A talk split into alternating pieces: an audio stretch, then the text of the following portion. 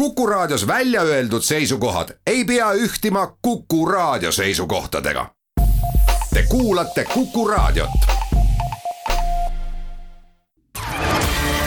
majandusruum. tere tulemast kuulama Kuku Raadiot Majandusruum. täna räägime sellest, mis seisus on Eesti majandus ja millist leevendust on oodata valitsuse lisaeelarvest. samuti teeme juttu värskest kinnisvararaportist mille juures pangad hoiatavad, et noortel läheb elu veel raskemaks. teises saate pooles on meil aga külas kaubamaja juht Erki Laugus, kes räägib sellest, mis kaubandusrindel päriselt toimub. saatejuhtideks on teil täna Liina Laks ja Toomas Randlo. alustamegi selle lisaeelarvest, et see on selline hästi huvitav ja naljakas protsess, et vaatasin nagu tükk aega ju, kui nüüd uus valitsus tuli ametisse, siis nemad ütlesid, ei, mitte mingil juhul ja mis lisaeelarved, et teeme ikka kõik need potid tühjaks. ja siis nüüd siin potid saidki üsna pea tühjaks ja nüüd piirangud tulid ka peale ja siis nüüd on äh, siis lisaeelarvega noh, niimoodi kogu aeg nagu iga päev nagu tilgub vaata midagi, et alguses on noh, need numbrid vahepeal väiksemad, siis on nagu suuremaks kerinud. nüüd äh, nagu traditsioon ette näeb, siis äh, rahandusminister eile postitas siis Facebooki, et mis siis tegelikult hakkab toimuma ja on siis selgeks saanud, et lisaeelarve maht tuleb kuussada nelikümmend üks miljonit, miljonit eurot, miljardit miljonit eurot, jah, siin on nii suured, nii suured numbrid on vaata siin koroona ajal tulnud, et siin peab kohe nagu ette vaatama, et nullidega mööda ei pane. ja hästi huvitav oli tegelikult see, et äh, seda nagu noh, presenteeriti seal Facebookis ka, et suur töövõit ja värki-särki. ja siis ma hakkasin lugema, et noh, mis seal on ja selgub, et ta käis nagu välja ka need umbes kolmandiku sellest mahust, et umbes, mis saab seal kakssada miljonit ja peale rahaga ja siis ma lugesin ja mõtlesin, et oot-oot-oot, et et kogu aeg oli ju räägitud seda, et kõik see raha läheb ju sinna noh tervishoidu ja palgatoetusteks ja need ongi kõige suuremad need valupunktid ja noh, vaata kõik see seonduv aga siis oligi niimoodi, et palgatoetusteks oli nagu natukene üle saja miljoni ette nähtud ja sellest umbes pool noh, laias laastus läheb ka siis nagu nii-öelda reservi. mis tähendab seda, et kui nüüd märtsikuu palgatoetuse põhimõtteliselt maksab ära töötukassa ja siis noh, neil on nii-öelda näpud põhjas. ja siis aprillikuu oma siis maksab riik ja siis on nagu nii-öelda üks kuu äh, niimoodi neil veel varus seal, et nad võivad selle kuu aega veel toetada ja siis anti ka teada, et palju siis tervishoid saab, et seal oli ka noh, päris kõvad positsioonid. aga ikkagi, et äh, kuhu läheb ülejäänud kaks kolmandikku rahast, sest et kogu aeg räägiti, et just nendesse punktidesse ta läheb. Äh, siin Äripäev, ma vaatan, on vahepeal teinud kõva töö ja saanud aru, et tegelikult, mis juhtus, on see, et üle saja miljoni peab siis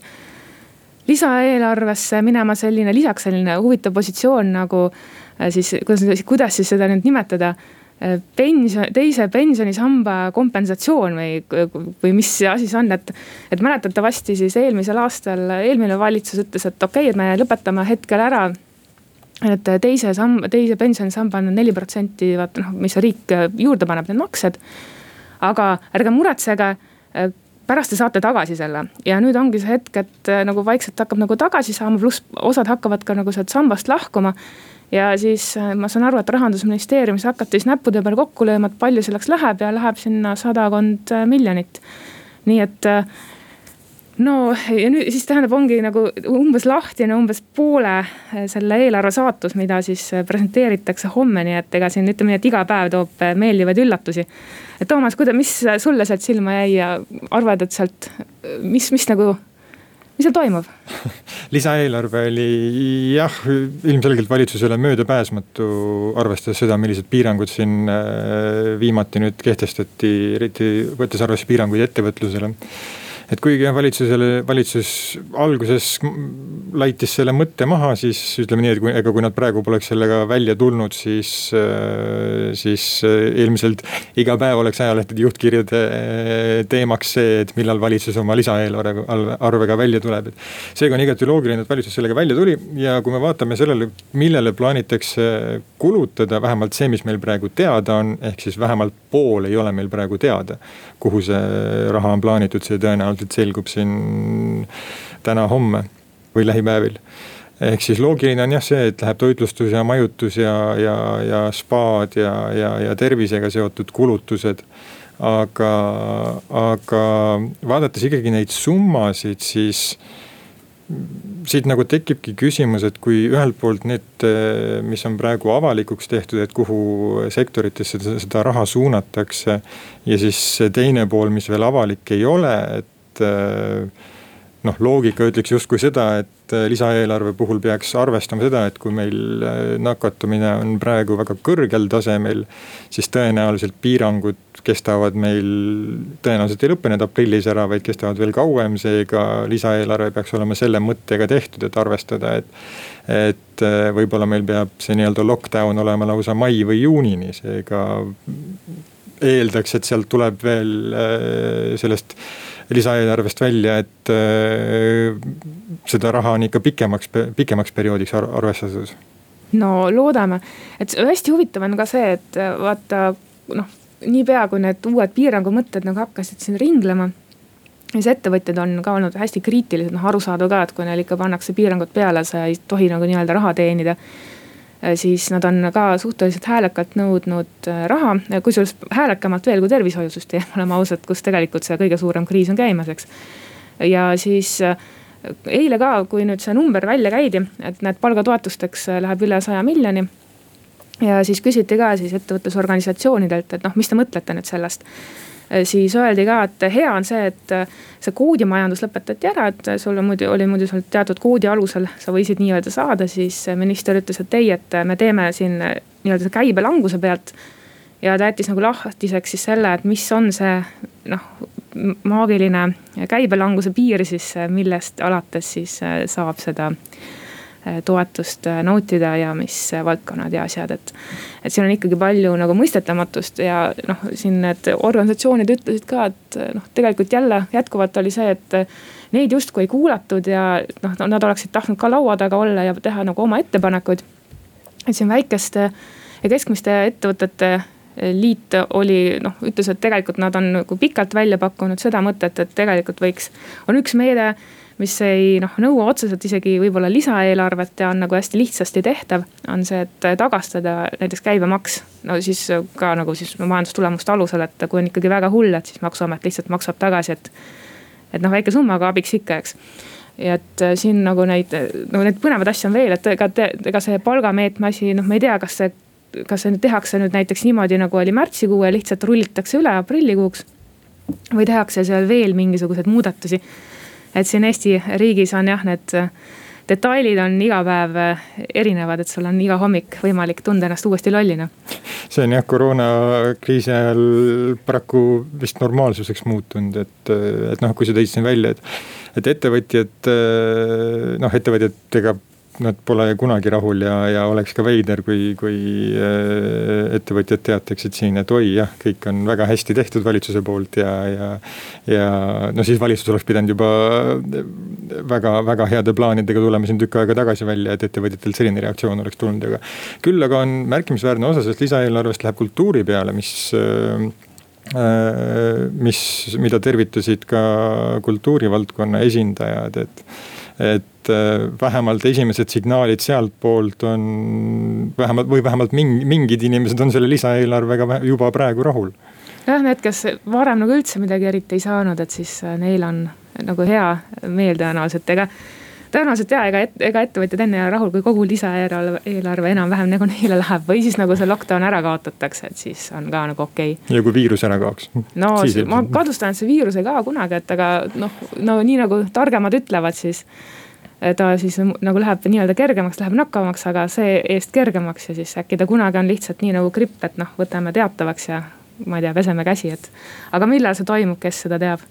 aga ja siin on nagu, nagu sa ütled ka, et noh, segadust on umbes siin kolmesaja miljoni ulatuses ja selle saame teada siis juba loodetavasti homme, aga teeme siin väikese pausi. majandusruum tere tulemast tagasi Majandusruumi saatesse. Teiega on ajakirjanikud Liina Laks ja Toomas Randlo. et siin saate esimeses osas rääkisime lisaeelarvest, mis on suures osas pimeduses aga nüüd räägime asjast, mis puudutab hästi paljusid inimesi Eestis ja see on kinnisvaraturg, mis on väidetavalt hakanud üle kuumenema. et Toomas, sina kui klassikaline koduotsija, räägi murest sa nüüd räägid nagu ma käiksin suure murekoormaga ringi, aga jah, siin eile üks partner, kinnisvarabüroo juht Martin Vahter tõi välja, et kinnisvaraturul on pakkumiste arv väga madalale kukkunud ja, ja ja kui ma seda nägin, siis ma just väga hästi oskasin samastuda sellega, sest ma olen ka ju viimased paar kuud siin jälginud kinnisvaraportaale ja, ja. ja noh, valik ei ole nagu väga kiita ja, ja kui siin näiteks vaadata Tallinnas kesklinna piirkonnas kortereid, siis see, mida ka korterite eest küsitakse. et hin-, hinnad on, on nii kõrgele läinud ja, ja, ja, ja samas jällegi vaatad, et mingi hulk inimesi ostab neid kortereid ära, et siin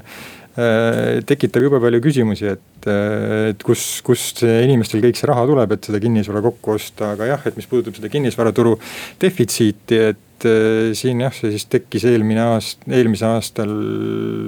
või noh, koroonapandeemia mõjul, et, et kui eelmine aasta eriolukord ja, ja, ja pandeemia peale tuli, siis mitmed ehitajad peatasid oma arendused ja, ja nüüd on siis olukord, kus inimesed eelmisel poolaastal hakkasid aktiivselt kortereid ostma ja, ja. ja nüüd pole uusarendused sellele järgi jõudnud ja, ja väidetavalt pidavat pakkumiste arv olema madalam kui viima-, enam kui kümne aasta madalaimal tasemel. et, et jah, aga, aga hüpates tagasi veel jah nende kinnisvara hindade juurde, siis ma ei tea, kas sina,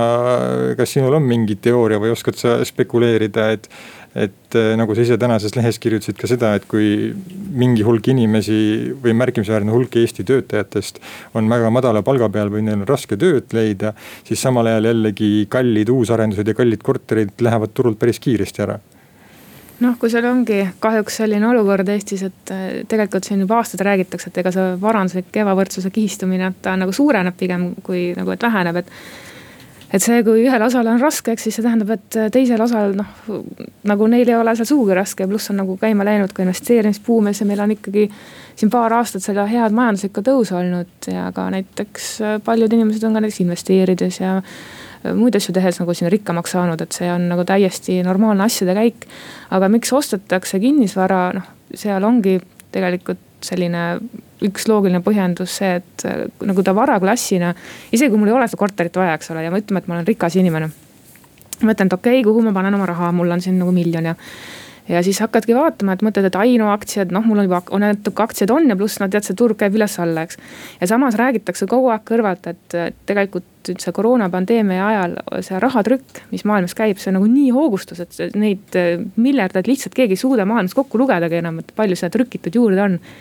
ja see raha peab kuskile minema, et ja siis see tekitabki nagu sellise efekti, et sa mõtled, et okei okay,. et rahal, kui sellel ei ole väärtust, et sa otsid mingit asja, mis, mis siis nagu aitaks väärtust säilitada. ja kinnisvara on nagu reeglina olnud see asi, mis aitab sul väärtust äh, siis säilitada, et loomulikult sa saad sellest kinni, noh kui hinnad tõusevad, sa saad nagu sealt nagu müügist kasu aga nad vähemalt ta nagu ei põle sul seal konto peal ja ei kogu võib-olla ka sul sealt mingit, mingit halvast väärtpaberist kuskilt mingit negatiivset intressi ega muud, et. et see on nagu täiesti selline loogiline asi, aga mis nagu jällegi tekitab sama efekti, et kui sul, ja see ei ole üldse nagu Eesti probleem ainult, sellest räägitakse kogu maailmas et see on kriisi tulemusel ongi see, et kes on nagu väga rikkad, need nagu nii-öelda ostavad need jutumärkides nagu need head asjad ära ja siis need äh, hea nagu need korterid ja värgid, nad lähevad äh, esiteks kallimaks, mis tähendab seda, et sul tekib äh, selline uus põlvkond noori peale. noh, kellel on nagu praktiliselt võimatu osta korterit, sest eile oli ka siin Swedbanki kinnisvaratund. ja nemad tõid seal oma need viimased arvud välja ja see oli ikkagi tegelikult päris pöörane. et nad ütlesid,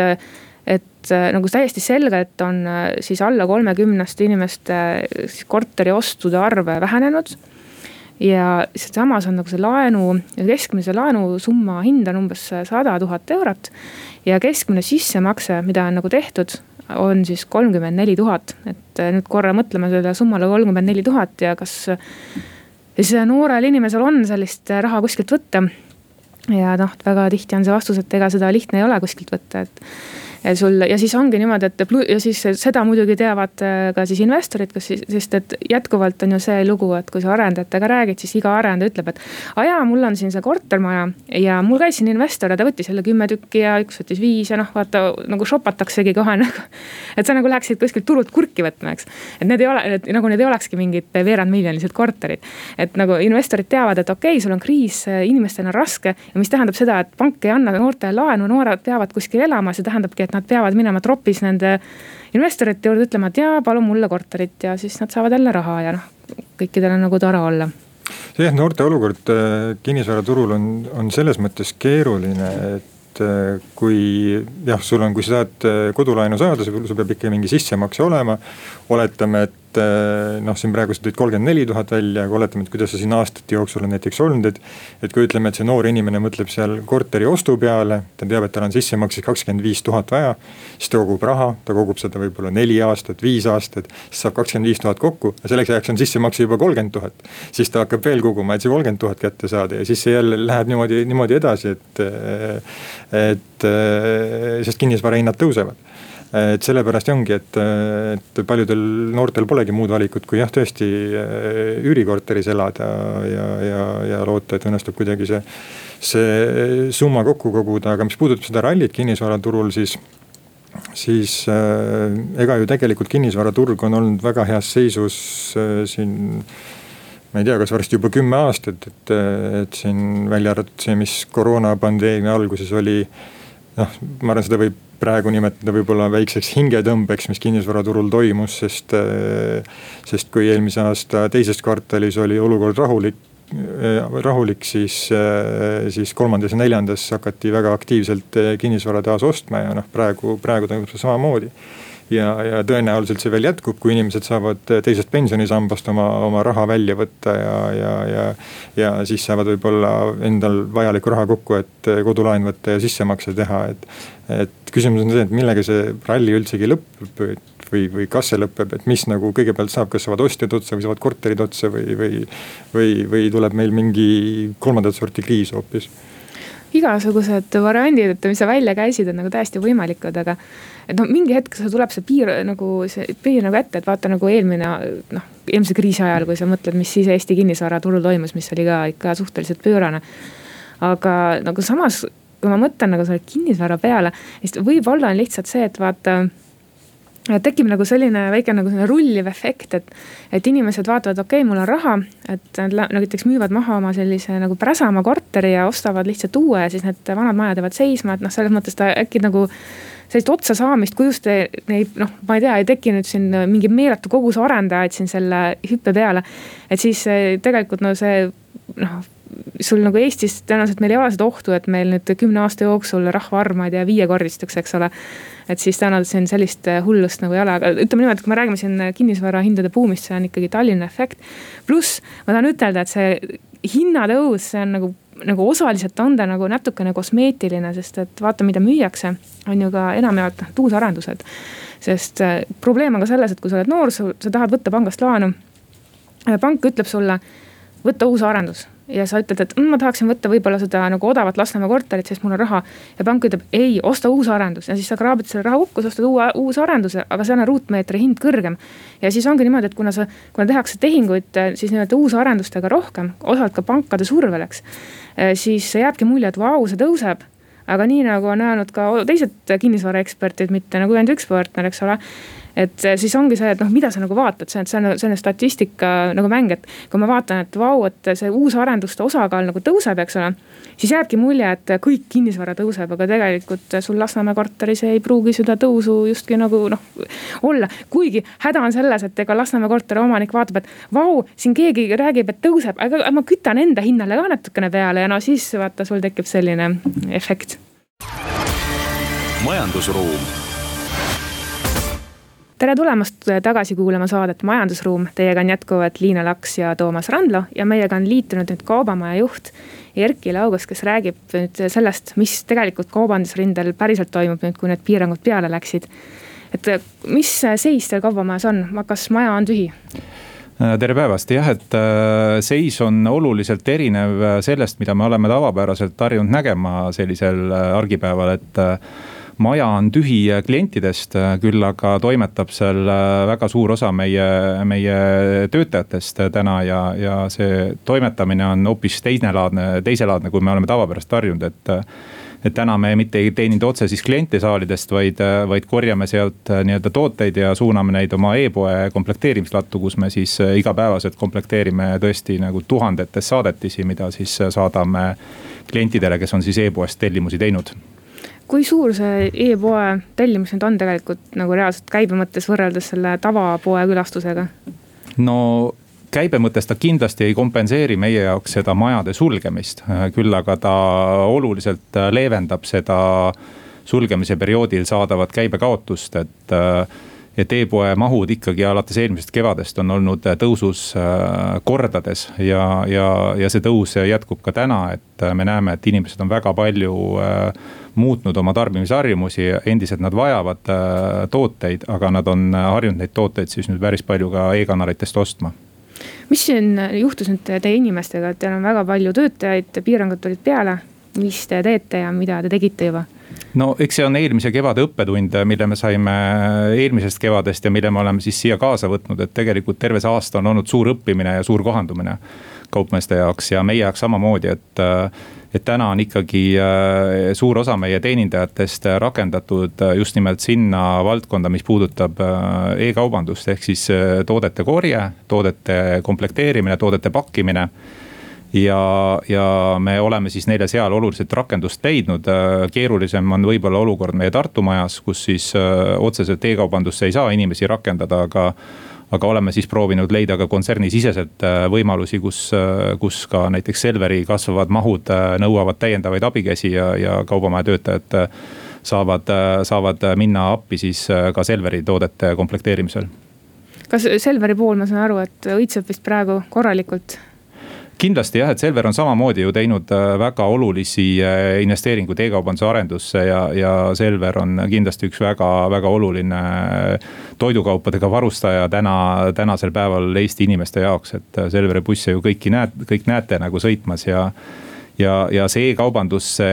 investeerimine ongi, see on täna nagu selline võtmeküsimus paljude jaoks, et kes on teinud need investeeringud nüüd õigel ajal ära ja kes on oma toimetamised ümber korraldanud, need, need kindlasti kohanevad nende muutustega täna paremini et siin investeeringutest rääkides, et noh, inimesed, ma saan aru, et harjuvadki siis ju veebis põhimõtteliselt asju juba to, nagu, nagu siin tellima, et kas, aga kogu aeg on räägitud ka, et kaubamajas ju tuleb siin uus kaubamaja hoone ja kõik, et. kas teil on ka mingi mõte, et nüüd tuleks see noh, kas te üldse teete seda nüüd või lähetegi üle siin enam-vähem siin väiksemale formaadile ja rohkem e-poodidele? Me, me tegelikult päris mitmed aastad tagasi äh, liikusime nii-öelda sellisele kombineeritud strateegiale, kus äh, meil põhi, äh, põhifookus oli sõnumil, et et klient ostab nii, nagu ta ise tahab, et ehk siis meie asi on luua võimalused ja kliendi asi on siis alati otsustada, kuidas ta neid võimalusi kasutab. Ja selle strateegia üks osa oli siis erinevate kanalite arendamine, nii füüsiliste kanalite, mis on siis füüsilised müügimajad, kui ka e-kanalite ja, ja tegelikult äh, klient vajab mõlemat äh, ja, ja siis jääb tal õigus nagu ja võimalus otsustada, et keda ta valib ja kuidas ta oma siis otsu, otsused teeb ja kus ta selle ostu sooritab, nii et nii et täna me ei ole nagu otseselt muutnud äh, oma strateegiat selles osas, et me ei, me ei tahaks Tallinnas arendada uut müügimaja, et endiselt me ikkagi töötame selle projektiga samamoodi aga, aga väga oluliseks on muutnud ka see e-kanali äh, veel kiirem arendamine, mis, äh, millega me tegelikult alustasime juba kuus-seitse aastat tagasi, nii et püsivalt on meil e-pood olnud ju käigus äh, viis aastat juba. Kui rääkida e-kaubandusest, siis enne koroonapandeemiat eestlased ei olnud vist väga aktiivsed e-poodide kasutajad või vähemalt e-poest äh, tellijad, et äh, ja koroona ajal see on nüüd kasvanud, aga. kui me võtame nüüd siin näiteks eelmist sügist, et siis kui ja suve lõppu, et kui koroona mõttes oli veidi rahulikum. et kas siis äh, võrreldes eriolukorraga toimus suur lange, langus ka selles osas, kui palju inimesed e-poodidest tellisid no see päris esimene sulgemisperiood oli, äh, oli tõesti, kasvud olid äh, kohati rohkem kui kümnekordsed võrreldes aasta varemaga. Aga, aga ausalt öeldes see oli isegi nagu üllatav, kui palju endiselt inimesed ka suvel ja sügisel ja talve alguses jäid ikkagi e-poodidest tellima, et endiselt need kasvud, vaatamata sellele, et poed olid lahti, olid olid väga paljudes, mitmetes kordades, mitte protsentides lihtsalt ja ja sellest lähtuvalt me pidime ka ise tegema väga palju kiireid muudatusi, kasvõi logistikasüsteemi parandamiseks, et nende kasvanud mahtudega hakkama saada, et piltlikult öeldes ma ütleks, et me tegime sellise viieaastase arenguhüppe kuue kuuga käibe mõttes. Äh, ütlesite, et teie töötajad on nüüd suunatud äh, ka nüüd nii-öelda e-valdkonna peale, et täidavad e-poodide tellimusi. Äh, aga kas on oht, et te olete sunnitud, kui siin eriolukord või mitte eri, praegused suured piirangud peaksid pikenema, et kas on oht, et peate hakkama mõtlema ka töötajate kärpimise peale?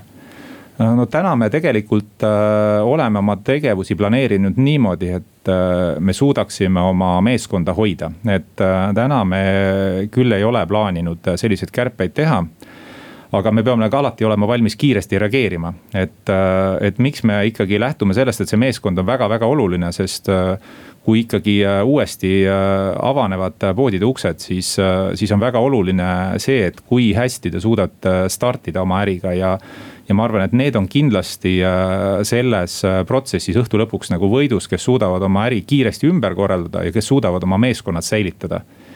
sest, äh, sest kindlasti inimesed, äh, kui me sügiseks äh, usume, et me ületame selle, selle tervisekriisi, siis, siis taastavad ka oma tarbimisharjumusi. küll aga kahjuks sügiseni kindlasti kõik kaupmehed ei, ei suuda oma ärisid hoida, nii et ma usun, et need, kes sügiseks on heas vormis, on suutnud oma meeskonnad säilitada, nende jaoks on sügisel pigem võimalus turuosa suurendada valitsus on tulnud välja ka lisaeelarvega, mille kohta küll detaile ilmselt tuleb veel rohkem siin äh, homme, aga. aga selle põhjal, mis praegu teada on, et kuidas, milline on teie hinnang sellele, et kas äh, tundub, et ettevõtjate muresid ja, ja eriti ka teie, teie sektoris on arvesse võetud või, või vajaks kaubandus rohkem tuge? No toetusmeetmed on tegelikult alati hea, kui, kui need sellises olukorras on ja, ja ma ausalt öeldes ei kujuta ette, et see oleks ka teisiti üldse võimalik. sest ettevõtjad on teinud ju pikaajalisi otsuseid, nad on investeerinud suuri vahendeid teades, milline on ärikliima ja kui riik nüüd erinevatel põhjustel ja, ja väga objektiivsetel põhjustel täna muudab seda ärikliimat, siis on selge, et et tuleb oluliselt ka kompenseerida neid riske ja sellest tekivad täiendavad kulud nüüd, äh, kas need meetmed on õhtu lõpuks äh, piisavad, äh, seda me saame siis öelda, kui, kui nende meetmete alusel on hakatud ka raha välja maksma ja kui me näeme, et palju nendest meetmetest siis realiseerub et täna ma ütleks, et mulle endale tundub, et nende meetmete saamiseks on kriteeriumid pandud liiga, liiga karmiks. ja suur osa kaupmeestest ei pruugi kvalifitseeruda nendele meetmetele ja, ja see on nagu väga-väga halb näitaja, sest see tähendab, et ka sellised suhteliselt äh, heas äh, konditsioonis ettevõtted, kelle käive siis võib-olla ei kuku päris viiskümmend protsenti, ei pruugi saada üldse nendest meetmetest osa. Ja see võib viia nad olukorda, kus nad ei suuda oma tegevust tegelikult jätkata ja, ja selle tulemusena töökohad kaovad ehk siis mida konkreetselt peaks praegune valitsus äh, toetusmeetmete osas teistmoodi tegema, kui tehti aasta tagasi? ma usun, et äh, tegelikult äh, märksa laiem ring kaupmeeste puhul just peaks seda meetmetest osa saama, et, et see käibe seadmine võiks olla kindlasti leebem kui viiskümmend protsenti, et et paljud ettevõtted on ju teinud panuse ka e-kaubandusele ja nende kaotused on võib-olla seal kakskümmend, kolmkümmend protsenti ja, ja oluliselt äh, suuremad kaotused on ka marginaalis, nii et tegelikult peaks toetama ettevõtteid juba varem. mitte siis ootama, kuni nende käive kukub viiekümne protsendi võrra. aga teeme siinkohal väikese pausi ja oleme tagasi juba hetke pärast. majandusruum tere tulemast tagasi Majandusruumi saatesse, meiega on Kaubamaja juht Erkki Laugus. ja me rääkisime natukene juba siin sellest teie olukorrast, aga kuidas te hindate praegu üldse kaubandusettevõtete olukorda laiemalt, et nagu me siin e-kaubandusest rääkisime, me saame aru, et kõik eestlased on hakanud hooga ostma äh, siin veebis, et äh, kui hull see seis siis tegelikult reaalselt üldse on? no selles äh, kriisis on kaubandusel ka läinud väga erinevalt või kaubandusettevõtetel, et et äh, on selgelt sektorid, kes sellest kriisist on isegi võitnud ja kelle käibed on kindlasti ka kasvanud, et äh, et me näeme, et äh, tegelikult toiduainete sektoril võib-olla ei lähe üldse halvasti, ehituspoodidel on läinud isegi pigem hästi, on ju, et kodukaupade ostmine on kindlasti tõusus ja teisipidi need, kes tegelevad täna moekaupadega, et nende äri on väga suure surve all ja, ja mõned teised kaubagrupid veel, et kuna meil on päris erinevad kaubagrupid, siis me näeme päris hästi seda dünaamikat, et kus on ostmine väga oluliselt tõusnud ja kus on oluline, oluliselt ostmine langenud, et. et summa summarum, noh, see on võib-olla kaubamaja tugevus ka, et meil on väga erinevad kaubagrupid ja me suudame oma siis selle nii-öelda müügidünaamika abil hoida seda seisu üsna stabiilsena aga jah, kaubandusel on läinud väga erinevalt ja, ja moekaubandusel ma usun, et päris paljud väiksemad moekaupmehed on väga suures hädas täna juba et kui noh, siin vahepeal räägitakse, et oo sügiseks hiljemalt on kõik nagu okei okay,, et kas teie hinnangul siis kõik need, kõik need moekaupmehed peavad siin vastu nii kaua? no ma arvan ise, et äh, kaugeltki mitte kõik moekaupmehed sügiseni vastu ei pea ja isegi kui mõni, äh, mõni arvab, et äh, pidades nüüd sügiseni vastu on asi kõik hästi, siis tegelikult on jäänud ju päris mitu sellist äh, moehooaega müümata vahepeal, et äh, on kuhjunud ka teatud ettevõtetel varud, kes ei ole suutnud piisavalt kiiresti kohaneda ja noh, näiteks need kaupmehed, kes on moes äh, spetsialiseerunud piduliku rõiva müügile või ainult formaalse rõiva müügile, müüvad ülikondi, müüvad särke, et nende olukord on väga keeruline. sest tõesti, viimased paar hooaega pole selles valdkonnas suurt, suurt edu kindlasti kaupmehi saatnud kas te muidu seda olete ka näinud, et äh, siis nagu nii-öelda nende võitjate poole peal on läinud nagu tihedamaks äh, rabelemiseks ja on tulnud ka uusi tegijaid siin koroona aastal? no pigem nagu päris äh, füüsilisse kaubandusse ikkagi investeeringud on praegu üsna tagasihoidlikud, sest ka nende väiksemate ettevõtete võimekust investeerida on üldse väga nõrk täna, et pigem, pigem nagu püütakse hakkama saada oma jooksvate kuludega, nii et nii et ma küll ei taha nagu halba kuulutada, aga kindlasti nagu äh, sügiseni päris, äh, päris kõik ettevõtted vastu ei pea ja, ja järgmise kaheteist kuu jooksul, ma arvan, võib üsna oluliselt muutuda nende ettevõtete nimestik, kes siis Eestis teatud valdkondades kaubanduses tegutsevad siin mõni aeg tagasi hakkasid kaubanduskeskused äh, uste peal kontrollima, et kas külastajad kannavad maske. aga mul on jäänud mulje, et vist siin viimaste kõige rangemate piirangute saabudes, kui suurem osa poode kinni pandi, et siis sellest kontrollist loobuti, et kuigi inimesed tegelikult käivad keskustes, et kas Kaubamajas ja Viru keskuses äh, kontrollitakse, kontrollivad turvamehed või keegi üldse, et inimesed kannaksid maske jah, see maskide kontrollimise aktsioon oli tegelikult äh, kaupmeeste äh, eneseregulatsiooni äh, kokkulepe, ehk siis kaupmeeste liidu kaudu me leppisime kokku, et me võtame selle teema väga tõsiselt ette ja hakkame hakkame neid maske kontrollima ja nõudma kõigilt, kahjuks me, me saime kolm päeva tegutseda, kui te, tekkisid juba uued piirangud, ehk siis me ei näinud kahjuks selle meetme mõju, et täna me ei oskagi öelda, kas sellel meetmel oleks hea mõju aga meie puhul äh, me küll saame öelda, et äh, me endiselt äh, oma avatud pindadel ja meil need avatud pindu on jäänud ainult ju toidupoed, kontrollime maskide olemasolu ja nõuame väga selgelt maski olemasolu, et meie turvatöötajad on selleks instrueeritud ja me oleme isegi turvatöötajate arvu pindadel suurendanud selleks, et. et kõik kliendid kannaksid maske, sest see kaitseb nii kliente kui ka meie enda töötajaid ehk siis, kui keegi peaks maskita marssima praegu kaubamaja toidumaailma, siis mis temaga tehtaks? Äh, siis me palume talle maski ette panna, kui tal tõesti on mask ununenud, siis me leiame talle selle maski. loomulikult on meil maskid ka müügil, aga ilma, ilma maskita kliendil me palume siiski lahkuda müügipõrandalt. kui ta ei soovi seda kanda ja tal ei ole nagu väga selget põhjust, miks ta ei saa seda teha kui kaua arvate, et kulub kaubanduskeskustel äh, nüüd koroonakriisist taastumiseks, et kui me võtame siin praegu need karmid piirangud arvesse ja, ja noh, kes teab, võib-olla neid pikendatakse veel ja, ja aga noh. lõpuks tunneli lõpus paistab vaktsiiniga, vaktsiini tõttu valgus, et eh, kaua, kaua, kaua kulub ta taastumiseks? no kui asjad lähevad äh, nii-öelda tervishoiukriisis ikkagi nagu ülesmäge lähikuudel, siis, siis on lootust, et sügisene hooaeg tuleb märgatavalt parem aga see olukord on tegelikult ju äh, täiesti uus olukord nüüd, et, äh, et me kindlasti ei naase enam mitte kunagi kriisieelsesse olukorda et see on nüüd uus reaalsus, siin on täiesti uued mängureeglid ja, ja kõigi nii keskuste kui kaupmeeste asi on kohaneda nende mängureeglitega, et. et kes jääb lootma sellele, et äh, kui inimesed saavad vaktsineeritud, siis taastub kaks tuhat üheksateist aasta, siis seda ei juhtu mitte kunagi enam. et see on nüüd uus reaalsus, inimesed käituvad uutmoodi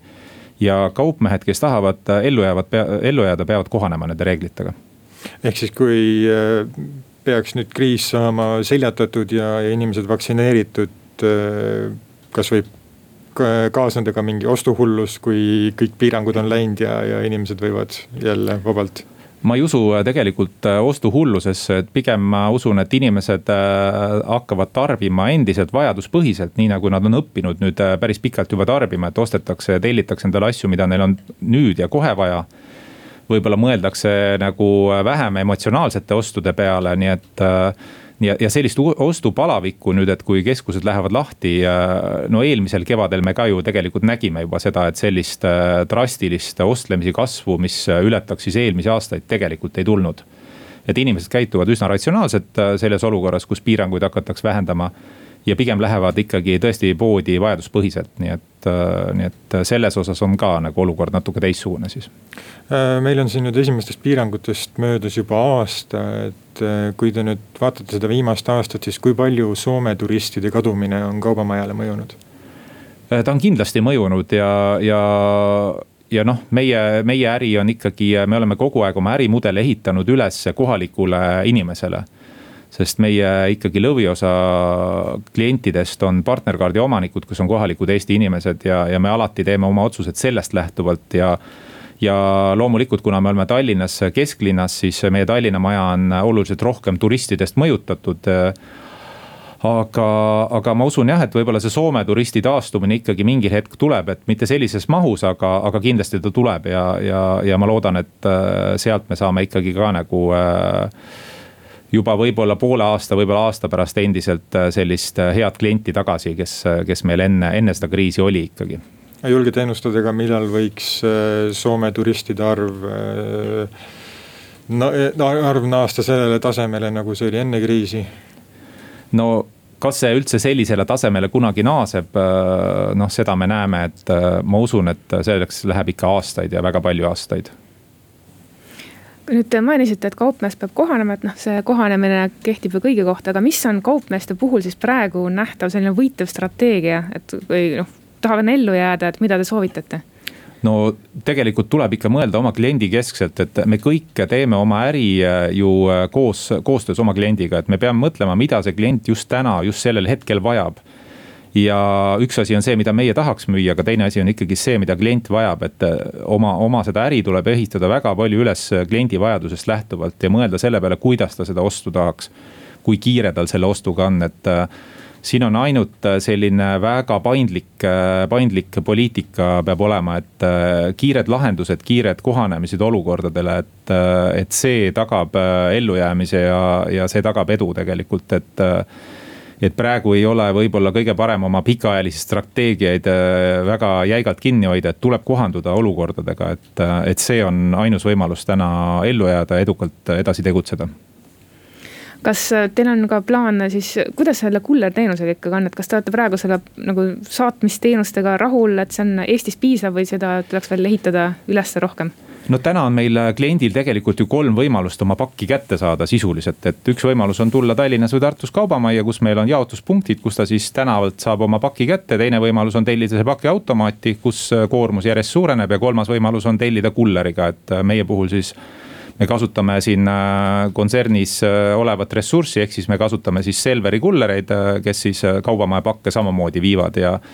ja kõigi nende tarneviiside tegelikult populaarsus kasvab nagu täna, nii et, äh, nii et äh, see logistika on siin võtmesõna. Aga meie puhul jah, et see, et äh, me tell-, me laseme inimestel tellida pakid ka kaubamajja, ehk siis nad saavad tulla nii-öelda oma jalutuskäigul, jalutada kaubamajast mööda, võtta oma pakid ära, et see väga palju leevendab seda survet, sest sest ligemale täna võib öelda, et peaaegu veerand kliente kasutavadki sellist võimalust, et lihtsalt jalutada kaubamajast mööda ja võtta oma pakk ära aitäh, Erkki Laugus, Kavamaja juht, et äh, selgitasite olukorda siin kaubanduses Eestis. nüüd sellega on saade ka meil läbi, aitäh kuulamast ja kohtumiseni juba nädala pärast. majandusruum